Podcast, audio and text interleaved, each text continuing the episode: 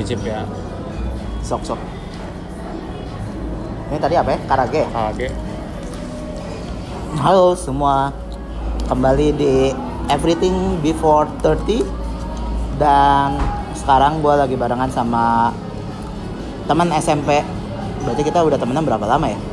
Waduh, dari SMP sampai hari ini 10 tahun kayaknya ada. 2008 lah ya. Eh, 2000 ya, ya. kayaknya 10 tahun lebih deh. Betul. Ya, ini ada Femona Michael Halo, halo. ya dan oh oh itu sausnya mbak oh iya iya iya. oke oke jadi kita ini sambil beli makanan juga sih ini mumpung sekalian sambil makan Nyamil-nyamil. ini apa ya tadi ya sausnya ya? apa sih salted egg ya oke jadi kebenaran kita udah kayaknya hampir terakhir gua ketemu sama lu kayaknya Sebelum lu ke Sydney kayaknya. 2014 Ya, 2014 pas di Jakarta kan, pas gua masih di Jakarta kan. Betul. Jadi mungkin hmm, 5 tahun, 6 tahun. Ada, ada. 5 tahun. Dan sekarang lu stay di Sekarang saya terakhir ini sekolah di Xiamen di China khususnya. Jadi kurang lebih dua setengah tahun terakhir saya studi di eh, di China. Satu tahun kemarin di Guangzhou dan satu setengah tahun kemarin di Xiamen. Dan ini sedang liburan. Nanti Siap. semester depan saya ada kerja dan juga sekolah lagi. Tapi Belum pindah kota ditanya, lagi. belum juga di ditanya Xiamen. banyak amat. Eh di Shanghai, di Shanghai, sorry. Oh. Zaman. Belah mana Shanghai? Hmm, dia itu Xiamen itu kota kecil sih ya. dibanding Shanghai, Beijing sama Guangzhou kan itu kota utamanya di China. Dia kalau misalkan apa namanya? Kalau dibandingin sama di Indo, kayak tinggal di mana aja? Mungkin itu mirip eh, Ini enak juga saya nih. rasa mirip. Bali, Hah? mirip Mas- Bali. Karena pinggir pantai juga, kota wisata. Terus juga nggak terlalu ramai dan memang itu peruntukannya kota wisata dan juga kota pelajar. Oh jadi lu banyak ini dong? Banyak apa namanya? Banyak orang bule segala macam. Nah, cuma jujur eh, pantainya nggak sebagus Bali. Oh, Cuman sebagai destinasi orang lokal khususnya orang China masih banyak untuk mereka datang ke sana liburan. Gua jujur belum pernah. Eh gue gue ya, gua belum pernah sama sekali nginjak Cina sama sekali. Hmm, hmm, hmm. Bahkan emang da- kalau dari dulu sebenarnya gua nggak mau, Hmm, hmm. karena Kenapa? di otak gua tuh lebih kayak dulu kan gue di Singapura. Hmm. Terus gua lihat tuh orang-orang Chinese yang benar-benar ori made in China jorok pasti kasar. jorok ngehe terus habis itu kayak apa ya kayak lebih individualnya kayak kenceng banget tuh Hmm. nggak tau kalau kalau lu ngerasain yang gitu nggak di sana Nah, jujur sih gua selama kurang lebih empat tahun sebenarnya gua dulu sebelum gua sekolah udah bolak-balik China itu dua tahun. oh ya Dan sebelumnya gua bolak-baliknya tuh kota besar. Salah satunya Shanghai sama Guangzhou. itu banyak Indo kan di situ kan Iya banyak orang Indo juga. Nah, Mhm. yang gua temui ada perbedaan Apa antara teman-teman orang-orang China di Shanghai, Guangzhou dengan yang di kota gua terakhir itu di Xiamen. bedanya Nah, kalau dulu kan pasti orang anggapan oh Cungko orangnya kasar, orangnya jorok ya. Terus orangnya juga ya tadi individu sebagainya. Itu menurut gua kalau di kota-kota besar khususnya kayak Guangzhou, Shanghai, Beijing karena kan itu orangnya udah banyak. Terus kayak hari-hari itu ya? ras gitu ya. Ya, ya, makanya akan sangat gampang mudah melihat orang seperti itu. Udah Hmm. kasar, jorok, apa ngomong biasa tapi kayak marah-marah gitu. lu tapi di Siaman WC umum bagus nggak Nah, kecuali ini Ampas Xiamen doang. jujur ya. Kalau Xiamen nih lebih baik karena satu kotanya nggak besar. Jumlah apa orangnya lebih kecil. Dia lebih tepatnya kalau menurut gua sih Singapura ya. Oh, gua kenapa kecil dong. bilang Singapura karena gini.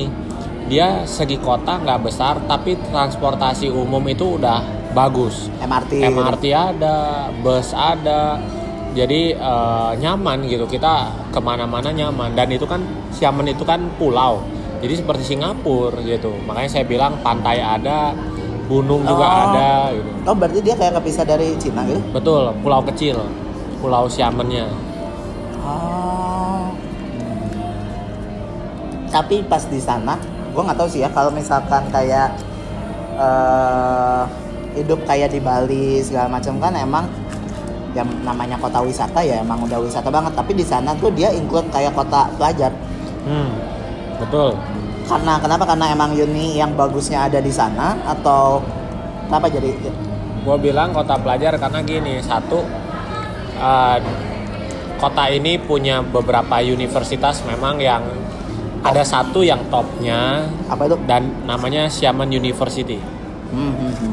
diikuti beberapa university lainnya nah, banyak orang memilih sekolah di Xiamen satu pasti biaya lebih murah dibanding kota besar lainnya hmm, hmm. kedua kehidupannya juga otomatis jadi lebih murah juga dan juga untuk eh, apa ya dibilang entertainment itu kurang dibanding Shanghai Guangzhou jadi kalau anak-anak mau nakal-nakal tuh kurang gitu di sana Oh. fokusnya belajar seperti itu Buat kayak ew persahabatan itu kurang itu di sana itu. ugem-ugem itu Nggak lebih boleh. dikit Haram, lebih, haram, haram di sana. lebih dikit saya bilang bukan Oh. nggak ada kalau ew tadi tuh Hah? waduh jujur orang Cina ini kota apa bukan kota negara nggak bertuhan kan Enggak ya? sekarang itu udah tercampur budaya barat banget Hmm, hmm. jujur aja sekarang bukan nggak tahu ya kalau LL gitu Hah? ya pasti juga mungkin banyak tapi kalau kita lihat aja di kampus mereka pangku-pangkuan mau ciuman mau pelukan itu kayak minik berdua aja du- ya apa dunia gitu yang lain Oh, kontrak gitu Oh kebenaran yang lu di di tempat lu juga kayak gitu. semua China kayaknya gitu karena kan sistemnya sekolah di China itu kan tinggal di asrama jadi rata-rata anak-anak tuh kan jauh dari orang tua bebas gitu Eh, sedangkan Astrat bergelora. orang-orang tua dulu kan mungkin pemikirannya masih kolot kalau pacaran mungkin nggak boleh tempat gelap-gelapan berdua-dua nah ini kan kesempatan mas Nah, jadi iya iya iya. Gue jujur nggak ada pengalaman yang apa ya? Proper kuliah. Jadi kan gue kuliah cuma satu setengah tahun. Hmm, setengah tahunnya eh, apa namanya? Setengah tahunnya magang magang. Hmm, setahunnya belajar. Hmm. itu pun yang di kelasnya tuh kayak dikit banget. Hmm, jadi kayak bayangan gua soal kuliah segala macam di luar negeri sebenarnya gue cuma bisa ngerasain pas enam bulan pertama dong. Hmm, enam bulan pertama enam bulan berikutnya benar-benar eh, ada magang di restoran sekolah. Hmm, terus habis itu magang di hotel. Hmm. jadi gua nggak ada ide sa- sama sekali buat buat apa namanya kuliah. Maksudnya ngebayangin kayak kuliah yang asik di luar negeri bla bla bla bla bla bla gua nggak ada bayangan sama sekali. Hmm, hmm. cuma kalau lu sendiri so far lu enjoy? Enjoy. Lu ambil apa sih di sana gue sebenarnya dua tahun setengah ini gue ambil cuma bahasa aja bahasa Mandarin. Karena salah satu tujuan gue juga di sana ada jalankan satu usaha kita beli beli barang di sana untuk kirim ekspor Oh. ke Indonesia seperti itu. Oh lewat Alibaba gitu gitu beda ya? Ada Alibaba juga cuman kan karena gue tinggal di sana ya gue nyari supaya sendiri Lebih murah ya? Tentu. Teman gua juga banyak yang ngambil kayak casing HP hmm. lu casing HP gitu masukin juga dulu ada sekarang tapi udah enggak concernnya lebih apa sih barang apa Hmm, kalau sekarang sih dari karena ini kan gua kerja sama sama saya punya kakak. Hahaha. Jadi di antaranya ada barang-barang fashionnya perempuan dan Oh. juga ke- kebetulan eh, suaminya bekerja di bidang apa sih eh, peralatan kitchen untuk restoran. Jadi ada beberapa part barang itu ambil dari sana juga. Ini kalau misalkan kalau misalkan aja nih ada yang ngedengerin sama terus habis itu ngajakin lu buat join, Hmm. oke-oke aja lu. Oke aja, gue siap bantu juga. Buat distributor lah ya. Betul. Oke.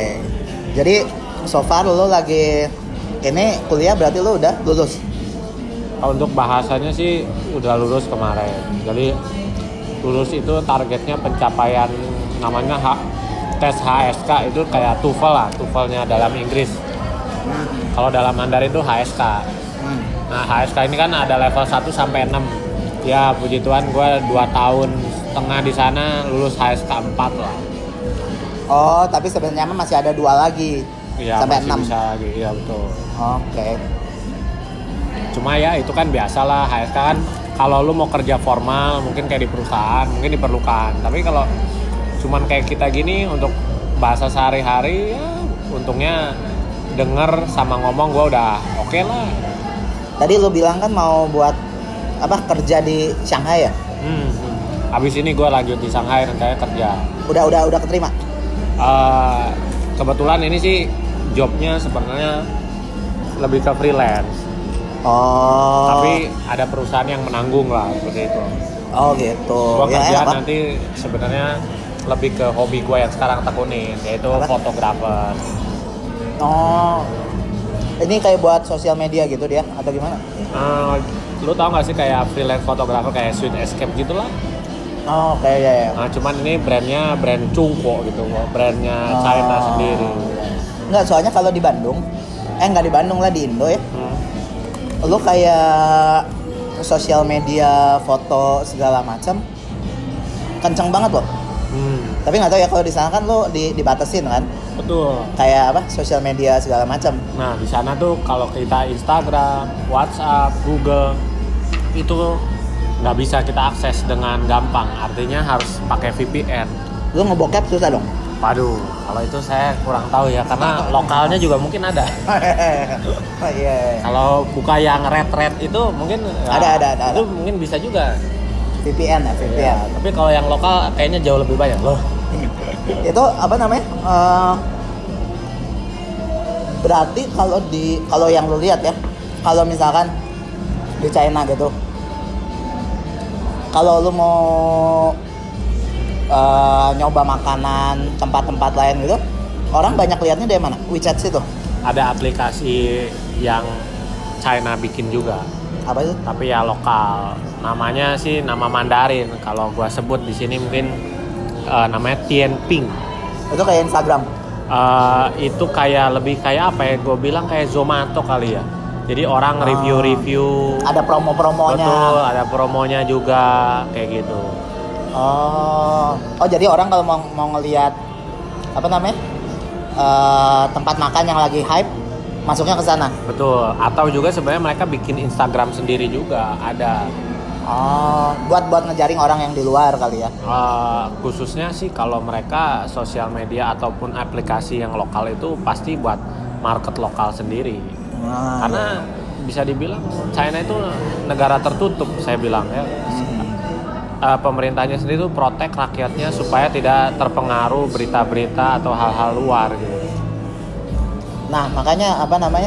Eh, berarti kalau di sana kerjaan orang buat sosial media hampir nggak ada kali ya? Ada tapi Dikit lebih lingkupnya sosial media lokal. Eh, ya soalnya kayak teman gue nih Hmm. yang di Bandung, Hmm. dia ngerjain sosial media kan. Jadi kayak brand-brand resto Hmm. Dipotretin tuh sama dia. Kayaknya ada deh. Kliennya ada sampai 30 sampai 35 deh. Hmm. Cuma maksudnya kalau di Indo tuh orang bisa hidup dari Sosmed. ngerjain sosmed bukan bukan jadi instagramer ya Hmm. cuman jadi buat fotoin produk Iya, iya. itu itu bisa jadi duit gitu kalau di Indo tapi berarti kalau di China rada susah kali ya yang gitu Ada juga, tapi mungkin ya tadi lingkupnya lebih ke aplikasi lokal ah seperti itu. yang lu rasain paling susah deh di China Eh, ya ini sih khususnya VPN ini bro. Karena gini pemerintah ini kan sangat protek sekali soal berita itu. Contoh kita hanya punya satu media sosial apa eh, untuk sosialisasi itu WeChat Ah. hanya satu gitu dan dan itu diawasi oleh pemerintah. Jadi Lalu WhatsApp gue berarti pakai VPN. Nah, untuk akses lain-lainnya di luar aplikasi China itu pasti harus pakai VPN. Dan VPN ini kan ada yang berbayar, ada yang gratisan.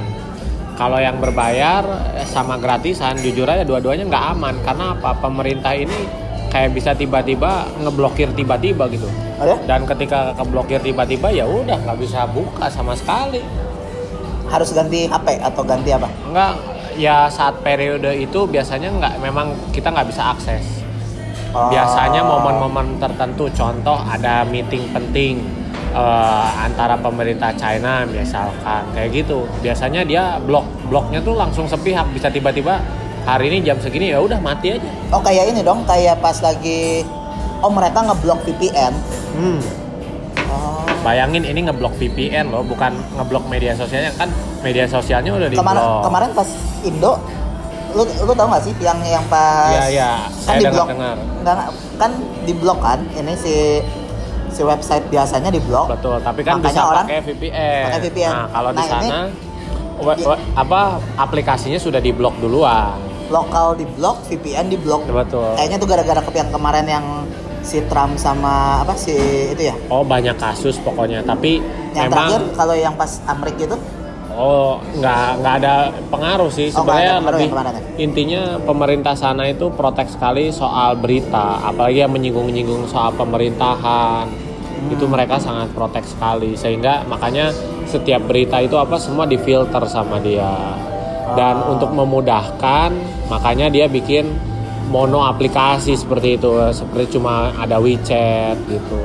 Hmm. Selain yang kayak sosial media segala macam lah. Yang lu rasain dulu bebas dikerjain di Indo, di sana malah jadi rese apa? Hmm, mungkin sekarang yang diawasi juga masalah transaksi uang juga sih apalagi Eh? kita orang luar ya kita sangat dipantau kegiatan kita karena kan status kita student gitu. Nggak boleh sama sekali kerja. Kalau Hmm. ketahuan udah pasti bisa langsung deportasi. Dan karena ini sosial medianya cuma satu mereka tuh gampang banget tracking kita lewat bahasa yang kita kirim di chatting. Transaksi uang pun kan di WeChat. Jadi ya semua sangat gampang kalau untuk tracking kita. Dan juga setiap kita contoh ke airport ataupun ke apa naik kereta semua kan harus foto ya foto identitas. Dan itu semua di China itu ketat sekali untuk itu. Jadi kita, kita ketahuan. kita mau ke mana ketahuan oh beli tiketnya di mana semua ketahuan ke tracking semua. Ya udah bahkan pakai foto gitu. iya. Atau lu ada kartunya? Ah, kartu apa nih? Enggak kartu lu ada fotonya gitu jadinya atau Oh enggak, jadi kan contoh pasti ke mana-mana kalau traveling pakai paspor. Nah, ya. Selain kita di scan paspor, pasti juga di scan muka kita. Oh, oh ada face recognition-nya juga. Ada. Jadi memang kalau menurut gua sih sebenarnya logis juga. Secara China itu kan negara dengan penduduk 1,3 miliar. Bayangin pemerintahnya atau hukumnya kalau nggak kuat, ya pasti Mampus juga ya. negara itu juga gampang hancur. Makanya security-nya sih kuat banget sih di sana. Lu kalau misalkan yang pakai yang sistem poin gitu, tahu nggak? Nah jujur sih itu gua nggak pernah dengar sih, tapi memang kalau secara security di sana bisa dilihat sekarang itu di sana ketat banget. Contoh aja, Enggak kan yang yang poin itu tuh kan yang gua tahu tuh semakin poin lu jelek, lu nggak boleh ke luar negeri. nah kalau lu itu, even even lu kaya segala macam lu nggak bisa bayar juga katanya. Oh, nah kalau kayak itu sih gua belum dengar ya di sana sendiri. Ah. Tapi kalau secara kasat mata aja kita lihat di sana tuh CCTV tuh di mana-mana gitu. Nah itu tuh katanya CCTV-nya itu buat mantau lu. Jadi kayak kayak di film-film gitu. Hmm. Lu ke- ketahuan poin lu berapa, poin lu berapa, poin lu berapa. Oh gitu, wah. Kalau itu sih gua Belum belum ya? belum dengar tapi Cuma CCTV secara ini kasat mata lu lihat di mana-mana tuh CCTV artinya di pinggir jalan aja setiap sudut tuh ada dan memang satu Dan ada yang maling tuh itu CCTV kan Nah, kalau di Indo hilang tuh pasti tuh. kelebihannya lu di sana juga aman. Jadi kalau contoh ya kan sering dengar tuh wah kalau kecungku hati-hati lu diculik nanti diambil ginjalnya dan sebagainya. Eh. itu menurut gua nggak ada karena CCTV aja di mana-mana. Gimana orang juga sekarang mau nyopet aja susah gitu. Apalagi lu nyulik nyulik lu waduh kayaknya susah banget. Tapi orang miskin banyak Eh, kalau di kota besar gua lihat sih eh, penertiban ya mungkin ada. Jadi nggak terlalu terlihat gitu. Tapi gua dengar dari orang lokal sih di beberapa titik di China ya masih ada aja orang kere gitu yang kadang maksudnya kan- yang susah. even gue waktu pas di Sydney juga itu pengemis ya emang emang ada gitu. Orang di pinggir jalan. Oh ya ada. Homeless people. Pengemis juga ada ada ada. Di sana juga ada. Ada. Kadang juga masuk di MRT juga ada. Ngamen nggak? ya ngamen juga. Nyanyi. Kalau nggak ya minta-minta doang gitu. Ada lah ada ada. Hmm, cuman memang kalau dibilang sekarang tuh China banyak yang bilang orang-orangnya makin stres. Karena tapi emang semuanya juga sih. Oh gitu ya? Nggak nggak nggak cuma China kayaknya. Ya kalau China kan dibilang oh iya sekarang jadi negara maju kan. Ah. ekonominya nomor dua sekarang di dunia. Tapi di luar itu orang-orangnya lo sendiri ngerasa stres satu cari kerja susah. Kedua gaji standarnya kan ya segitu.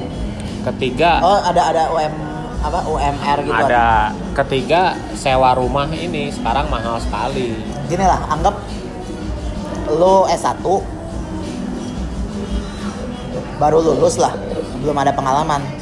Gaji first salary lu kira-kira berapa kalau di sana? Standarnya 3000 renminbi itu sekitar 6 juta. Ah oh bukan yuan ya? Eh ya renminbi itu yuan maksudnya. Kok kok renminbi? Emang oh nama lain ya? Iya nama lainnya. Oh berapa? 3000 yu- yuan?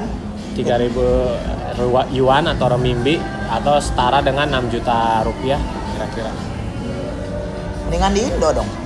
Kenapa Indo lu startup kayaknya bisa lebih tinggi dari itu deh oh ya kan tadi kan lu, lu tanyanya ini Oh, bukan. cuman standar kerja di perusahaan gitu toh kalau misalkan Kalau startup sih menurut gua minimal sudah gede ya berarti ya? 5000 lah. Artinya udah mungkin 10 jutaan ke atas gitu. Oh, enggak, ini soalnya teman gua ada yang misalkan dia tuh di Aussie waktu dulu nggak dapat dapat kerja nih pulang ke sini masuk ke startup gajinya lumayan gitu Hmm. Karena sih ribu. mungkin ya kalau di Gitu. startup mungkin pasti lebih gede karena gini teman gua aja ini sekarang masih ada kerja di Ctrip, ctrip.com artinya yang kayak Traveloka gitu. Hmm? Jadi customer service doang tiap hari cuma kerjanya ngangkat telepon ngomong gitu. Itu gajinya udah 5000 renminbi, artinya udah 10 juta udah eh bukan 5000 maaf, itu 10000 loh.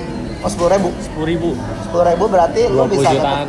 Jutaan tapi kan karena dia orang luar kan jadi karena Ah. kalau kita statusnya orang luar Lebih masih lebih masih ya? lebih dihargai betul, Oke. tinggi.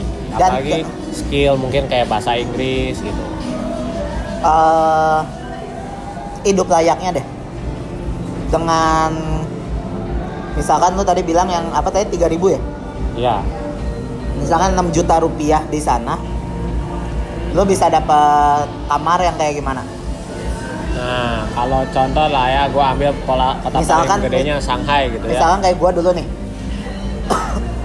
Eh kebenaran kan gua waktu pas dulu di Sydney tuh demi chef jadi kayak asisten supervisor gitu lah. Heeh. di sana tuh 2.800 dolar per hampir 3.000 lah 3.000an leb- ya sekitar 3.000an dolar tuh eh bisa dia bisa makan fine dining. Eh gue lupa gue waktu itu dapat berapa ya? Hmm. pokoknya tuh kan gaji gajinya di sana per minggu. Hmm. dan rata-rata tuh nggak terlalu beda jauh. Kecuali kalau yang kita sama yang atas banget posisi atas banget. Tapi kalau misalkan di umur di yang apa level-level biasa atau sampai supervisor kayak gituan rata-rata gajinya nggak terlalu beda jauh. Dan dari situ tuh lu bisa nabung. Lu masih bisa apa namanya? Masih bisa lu masih bisa Ini apa tengah-tengah? hmm, aduh udah ditagih nih udah disuruh pulang. Udah mau tutup nih kayaknya Nah, lu lu lu bisa makan fine dining seminggu sekali. Atau enggak eh, jalan-jalan lah yang yang yang fancy seminggu Hmm. sekali Hmm. lu masih bisa nabung lu tinggalnya kalau gua sih karena waktu itu ngirit Jadi gua tinggal sekamar empat orang. Sama orang Indo dua, Korea satu. Nah abis itu ya kayak gitu hidupnya. Kalau gua sih jujur aja kalau 3000 tuh bener-bener minim sih. Mungkin ya nggak bisa hidup enak gitu. Cuman kalau mungkin udah minimal banget 5000, nah itu hidupnya udah lebih enak gitu. Itu kalau oke lah kalau ngomong 5000 lu bisa dapat kamar kayak gimana? Nah, kalau kamar sih mungkin kalau lu mau sendiri ya apartemen studio tuh masih dapat itu sekitar 2000-an. Ah, Tapi kalau lu mau ngirit ya cari aja yang apartemen share gitu mungkin paling 1500, 1400 itu masih bisa. Oke oke oke oke. Belinya sudah. Ya, ya. Belum? Oh. Nah kalau misalkan 1500 terus habis itu kayak pengeluaran sehari-hari Pengeluaran sehari-hari kalau lu hemat sih sebenarnya ya eh, bisa maksimal 100 yuan lah. Oke. 100 yuan sehari. Oh 100 yuan itu kalau hemat tuh Itu maksudnya udah oke lah makannya oke banget gitu. Tapi kalau nggak oke ya mungkin lu misalkan makan lu dikurangi dua kali sehari. Masak deh kalau masak di rumah deh Nah kalau masak bisa separohnya mungkin.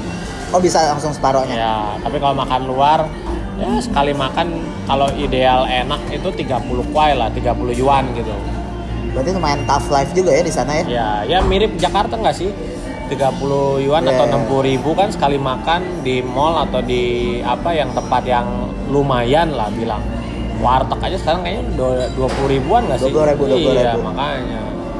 20 ribu Kadang lu pinggiran juga sekarang udah ya Ya gitu loh Iya. 20, 25 Betul. Gua kira ya baik lagi ya nggak selamanya tinggal di luar negeri itu ya fancy Betul. dan apa namanya itu kembali ke orangnya nggak sih? Iya, kalau iya, iya. lu emang bisa hemat dan posisiin uang lu buat hal yang lebih baik ya kenapa enggak gitu? Mhm. kan ada juga orang yang mikir ah yang penting gue pengennya makan enak sama eh, baju. Mungkin fashion juga pengen bagus tapi dia nggak Nah, punya salah tabungan. satunya. sedih juga. Kalau gua tuh tempat tinggal. Kalau gua lebih tipenya tempat tinggal jadi pengen maksudnya yang nyaman gitu. Ya kadang kalau gua belanja baju belanja kayak celana gitu gitu Ah. gua nggak terlalu kayak ah, ya udahlah maksudnya masih bisa pakai yang ini Ya, masih bisa pakai yang B ini. aja lah ya. Ya, nggak mau maksudnya- terlalu ter apa up to date gitu. Ah, bukan bukan ah, nggak mau terlalu up to date tapi maksudnya itu jadi ibarat kata hal yang paling list gua buat ah, beli atau gimana gitu.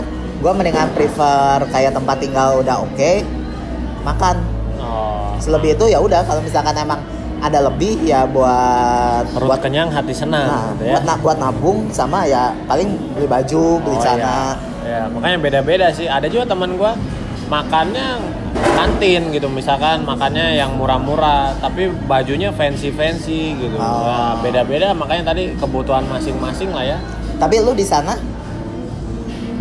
orang tuh tends buat beli barang KW atau ori kan lu Cina kan rata-rata KW Ya. tapi lu sendiri di sana jadinya lebih bisa maksudnya apa jadi skillnya bisa nyari oh ini barang KW yang bagus tuh segini atau malah jadi lebih ngehargain barang yang ori atau gimana Nah, beda sih. Tadi gua bilang kan kalau gua dulu pernah di Shanghai sama Guangzhou. Shanghai itu jujur kota megapolitannya lah. Itu bisa dibilang kan sekarang kayak New Yorknya Asia. Apa sih? Oh Shanghai. Ya, ya, ya. ya itu jujur jujur aja orang lokalnya aja udah kaya. Artinya orang Cinanya juga kaya. Jadi mereka pun sendiri tengsin. Mau pakai barang KW itu tengsin. Gitu. oh iya iya iya. Nah tapi beda kalau kayak contoh Guangzhou Guangzhou itu ya apa sih? Orangnya gue sempat lihat ini apa?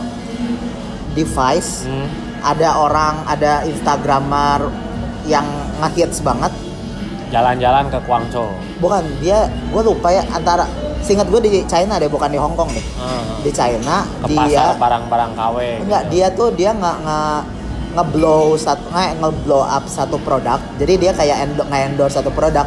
Tapi saking gedenya nih orang cepet banget habis habisnya apa nih enggak maksudnya cepet banget habis barangnya oh gitu jadi jadi eh, intinya dari yang si liputannya waktu itu si Vice ini lebih kayak orang China tuh spendingnya gila-gilaan. Oh iya, bahkan lu tahu nggak sih kemarinnya terakhir cici gua ke Eropa. Yang ngantri LV itu semua orang Cungko dan mereka tuh rata-rata nggak bisa bahasa- ngomong bahasa Inggris, tapi, Ya tapi punya duit kan? punya duit. Ya. Eh, iya ya punya duit. Punya duitnya itu tuh yang yang yang Iya. bahaya tuh. Dan gilanya ya mungkin ya beli abis itu di copy langsung di Ah. dibongkar eh minggu depan edisi apa tas baru model baru tuh langsung keluar gitu Cungko. Oh, berarti kalau misalkan di Shanghai lebih branded. Ya, Tapi kalau misalkan di kayak Guangzhou, Guangzhou memang lebih ya barang-barang KW banyak situ. Ah, ya, ya, ya. Tapi kalau di sana lo tends buat ya lebih bisa milih-milih produk kali ya. Eh, balik lagi ke pribadinya sih, karena gini teman gua kalau Shanghai karena rata-rata orang Indo yang sekolah di sana pun emang orang-orang borju gitu, orang-orang tajir. Jadi ya thanksin juga kalau pakai barang KW. Tapi kalau kita ya jujur kayak gua gitu ya, gua mah mau KW mau apa ya biasa aja gitu. Gua bahkan kalau misalkan apa namanya teman gua yang di Indo kan udah pada punya anak. Anak-anaknya, aduh, pokoknya sekolah yang terkenal lah di di Bandung. Nggak, nggak, eh, mereka udah tipenya kayak gini. Kalau mereka punya barang ori, mereka tahu barang KW yang mana. Nah namanya anak-anak mah kan kadang dikasih sama orang tuanya segala macam. Maksudnya buat anak-anak biasa ya, Hmm. dikasih barang sama orang tuanya kan ya ya happy happy gitu segala macam kan, nggak terlalu peduliin ini eh, ori apa enggak. Tapi mungkin anak-anak yang emangnya dasarnya udah eh, kaya segala macam tahu barang barang ori yang mana. Dijauhin men, Oh gitu ya. dijauhin. Maksudnya di di dibulinya tuh sekarang tuh bukan kan kalau dulu kan dibulinya kadang nama orang tua kan. Eh lu Bambang, eh lu Aceng, Ah, ah. kayak gitu-gitu kan. Nah, tapi kalau kalau kalau sekarang tuh lu dibulinya kalau lu pakai KW. Oh gitu ya. Aduh. Jadi dari kecil tuh udah kayak Harus ya yang ori gitu ya. kayaknya anak zaman nggak tahu nih ya. Ini zaman 2019 aja kayak gitu. Apalagi mungkin kayak 10 tahun atau 15 tahun lagi pas pas kayak gue punya anak segala macam, gue nggak tahu tekanan anak gue nanti bakal ngadepin apa.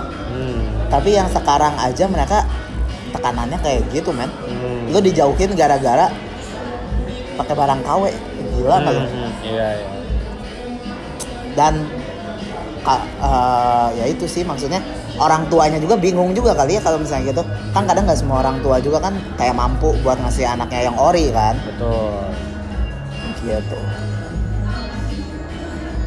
Parah sih emang kalau kalau kalau misalkan yang di gua dengar ceritanya juga yang teman gua anjir kenapa anjir kayak kayak gitu kasihan amat tuh bocah Iya, iya. Tapi kayaknya itu nggak berlaku tuh di China. Kayaknya fine fine aja.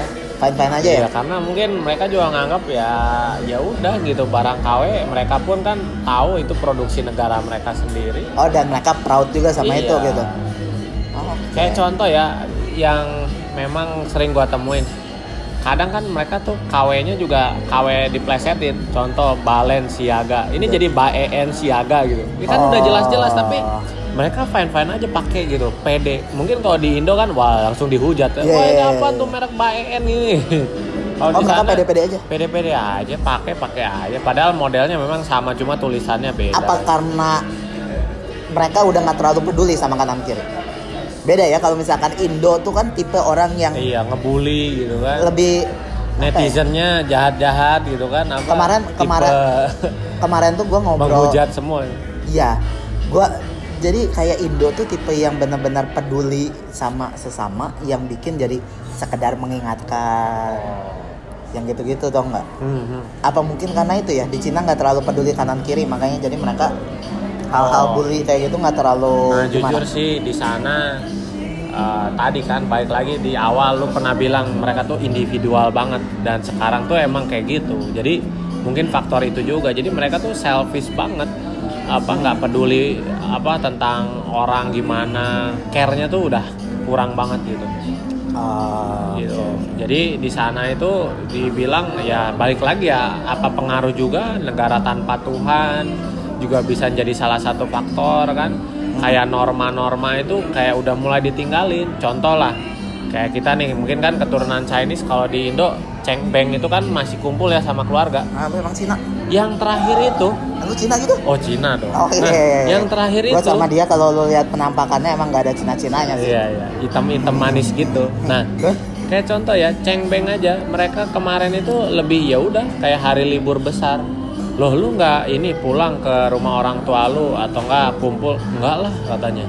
Oh, kuburan gitu enggak? Kagak, di sana tuh udah sampai ya khususnya generasi muda ya. Ah. Generasi muda tuh udah sampai kayak gitu. Cueknya.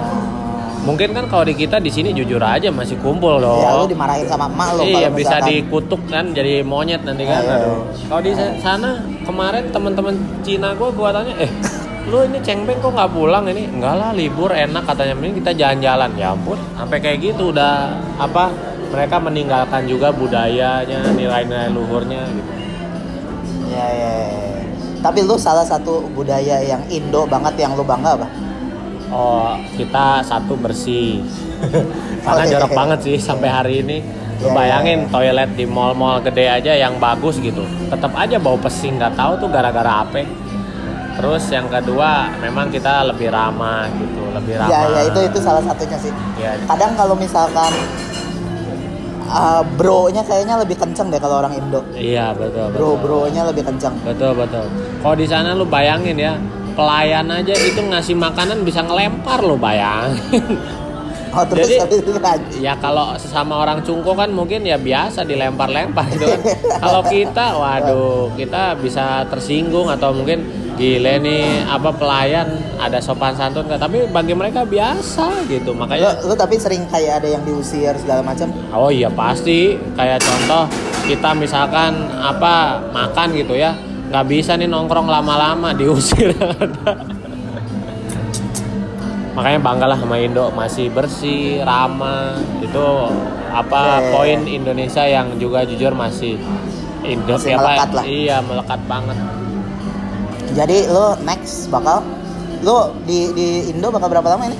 ini paling sampai Agustus akhir doang Ah, habis itu terus? nanti September gua harus balik lagi ke Shanghai gua ada planning juga memang kerja sama ada masih ambil sekolah juga Nikah, nggak mau nikah, kawin. kawin ya nyari di sana nih masih nyari nyari nih Lu takut nggak? Hah? Takut nggak? agak takut sih karena Enggak maksudnya dengan dunia marriage life segala macam ke depan lu, lu ada takutnya. Oh, ya takut banget lah apalagi ya prinsip gua memang masih one love till the end lah kan udah udah enggak itu udah udah kecoreng. Oh iya iya, iya. tapi maksudnya satu seumur hidup gitu, nggak Iya, nggak iya, nggak iya. nambah lagi atau kayak itu tuh mantan gubernur itu iya, kan ganti gitu, kagak gitu kagak gitu. Tapi ya emang emang lumayan scary sih karena lu make komitmen, lu biasa sendiri, terus lu tiba-tiba harus komitmen tinggal satu atap itu something yang masih emang gua pribadi ya mungkin lima tahun lagi gua baru ready kayaknya ya Oh, empat lima gitu. tahunnya gua Itu- tiga puluhan something loh Itu ready-nya dalam segi ekonomi apa dalam segi mental nih? enggak enggak gua planningnya ya misalkan kalau misalkan bisa dekat-dekat ini ketemu pengen tapi lebih ke apa ya in the end of the day pengen meritnya umur segitu karena Oh. kalau misalkan di ba- di bawah itu menurut gua belum ready Oh alah, kasihan dong si Dede nggak aus nanti. enggak enggak enggak, enggak. dia apa namanya duit buat rumah Oh gitu, ya ya. Kalau Duit gua sih buat jujur ini itu ini itu sampai ini itu. hari ini juga gua kan sama lu sama nih ya, dua di under 30 kan. Nah, ya jujur masih pengen nikmatin juga apalagi kayak gua jujur di luar itu banyak hal lebih terbuka. Teman-teman kita orang luar apa banyak kesempatan kerja bergaul itu masih lebih luas. Yeah. jadi gue juga ngerasa kalau sekarang nih udah merit pasti udah terkotak gitu. Hmm. terkotaknya apa? Pasti fokus kita rumah tangga ya walaupun rumah kita nggak ada tangganya gitu kan. Tapi kan fokusnya dapur kita harus ngebul gitu kan. Ya, terus ya, ya. udah mempersunting anak ini harus tanggung jawab kan dikasih makan terus planning keluarganya gimana punya anak atau atau enggak ya planningnya harus punya rumahnya gimana kan masa depannya udah beda gitu Ya. sedangkan kalau kita nih sekarang masih, Masih. pasti karir pun masih luas banget ya Ya, kalau ya. kita lihat wah bidangnya terus ketemu orang beraneka ragam dari berbagai negara juga Maksudnya masih lebih sayang sama kesempatan buat betul berkembangnya. betul kesempatan ini rasanya sayang banget kalau kita Iya, iya. apa lepas gitu loh bukan Iya. artinya senang Kebanyakan. juga jomblo enggak tapi kalau untuk berumah tangga saya rasa saya juga lebih belum siap sekarang seperti itu. Iya, iya. Ya udah ini udah lampu udah pada dimatiin. Kita Oke. kita sih lagi ada di Grand Indo di apa ini Noms ya? iya iya Ya, jadi udah pada dimati-matiin, udah udah mau diusir. Jadi it's a good talk, man. thank you Terima Bang kasih. Aldo Terima kasih, terima kasih. Jadi segitu aja ya. Bye. Memang bentar. Matiinnya gimana ya? Bentar, bentar, bentar.